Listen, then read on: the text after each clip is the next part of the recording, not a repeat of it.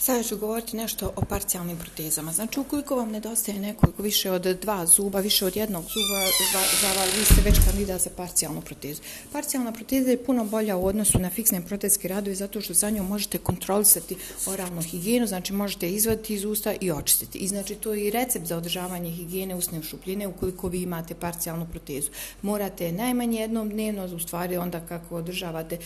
svoje prirodne zube, najmanje dva puta dnevno izvaditi iz usta, oprati probati očistiti četkicom zube, pastom za zube i vratiti u usta.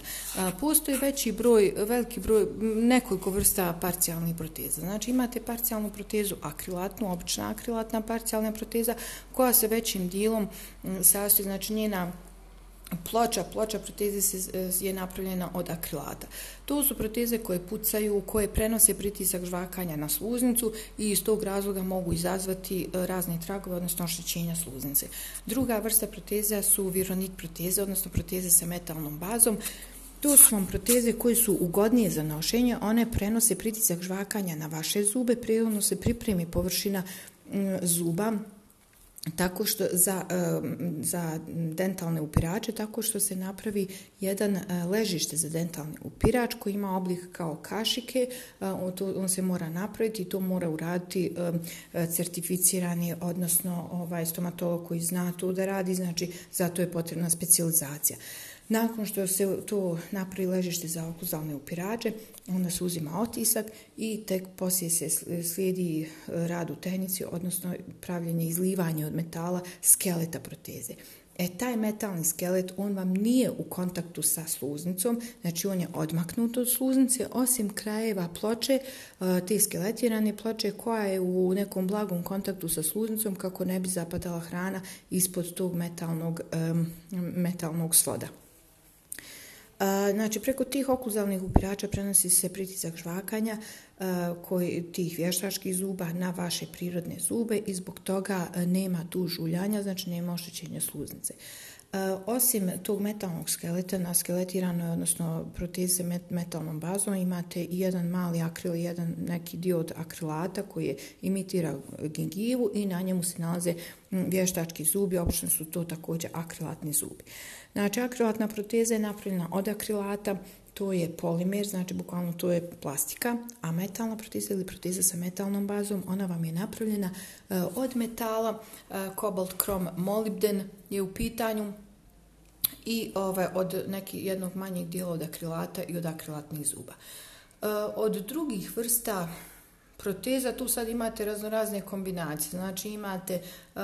vironit, odnosno proteze sa metalnom bazom koji su u kombinaciji sa atipičnim krunicama, sa teleskopima, znači to je druga vrsta atipičnih krunica, to su uh, teleskopi, teleskop znači da, da na vaš zub dolazi jedna metalna navlakica, uh, prva, a, koja znači se fiksira, odnosno cementira na vaš zub, a, a uh, druga navlaka koja također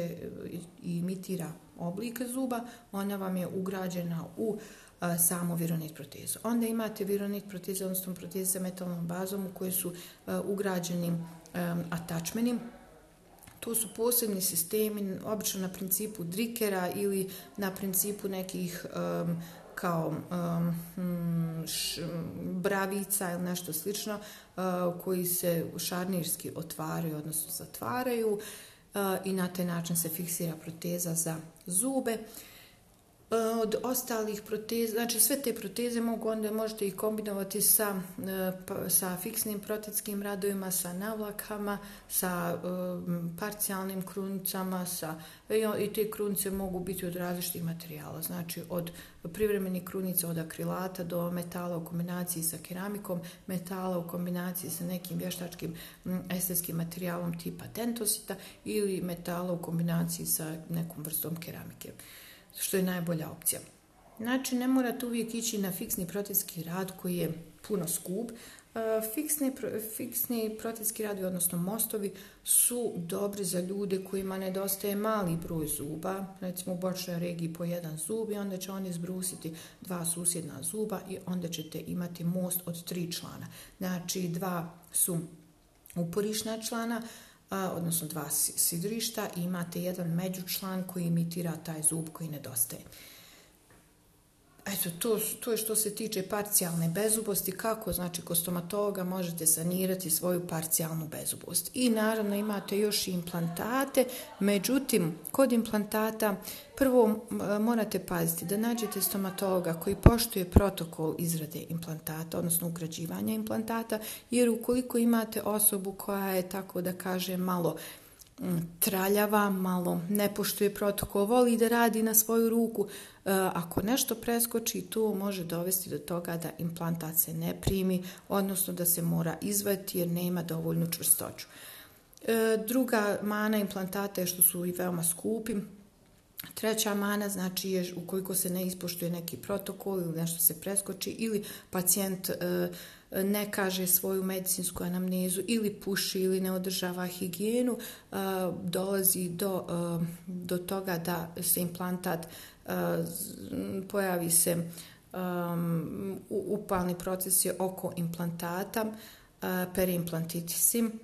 koji na kraju dovode do toga da se implantat mora izvaditi ili da se mora napraviti revizija cijele te situacije, izvadi se implantat, e, ukloni se upalni procesi, znači sve to ide hiruški, onda se stavi i vještačka kost, i onda se ugradi novi implantat, onda se stavi e, spusti režanj i sve to mora tako da stoji 3 do 6 mjeseci. Znači, implantate nemojte stavljati ukoliko niste spremni na, na sve to, na sve rizike koje implantati mogu dovesti. Znači, morate prethodno biti jako dobro obaviješteni ukoliko želite sebi ugređi, imati implantate. Znači morate biti obaviješteni o tome da više nema pušenja, da morate dobro održavati oralnu higijenu,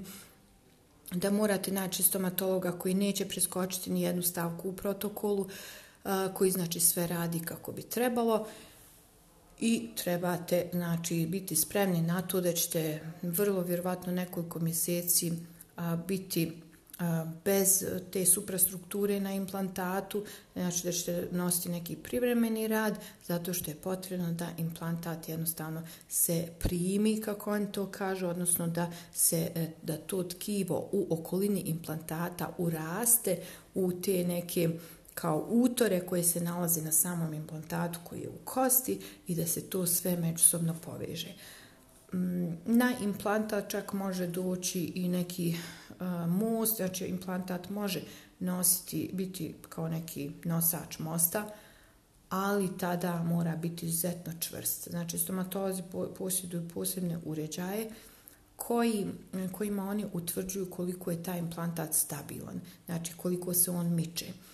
ukoliko se pređe neka određena granica pomičnosti, a, najvjerovatnije da on nije kandidat za nosača mosta ili da će u nekoj doglednoj, vrlo bliskoj budućnosti morati biti zamijenjen. Znači, sa implantatima treba biti oprezan. Čak sam ja čitao prije jedno 5 godina da je mogućnost komplikacije 67%, jedno istraživanje je pokazalo, u 67% slučajeva dolazi do toga da se implantat mora, odnosno dolazi do komplikacija prilikom ugradnje implantata različite vrste ili on nema dovoljnu stabilnost ili dolazi do infekcije ili znači bilo koja e, komplikacija koja može do onih nekih najtežih e, o kojima sad zaista ne bih pričala da vas ne plašim. Eto to je to. Ćao!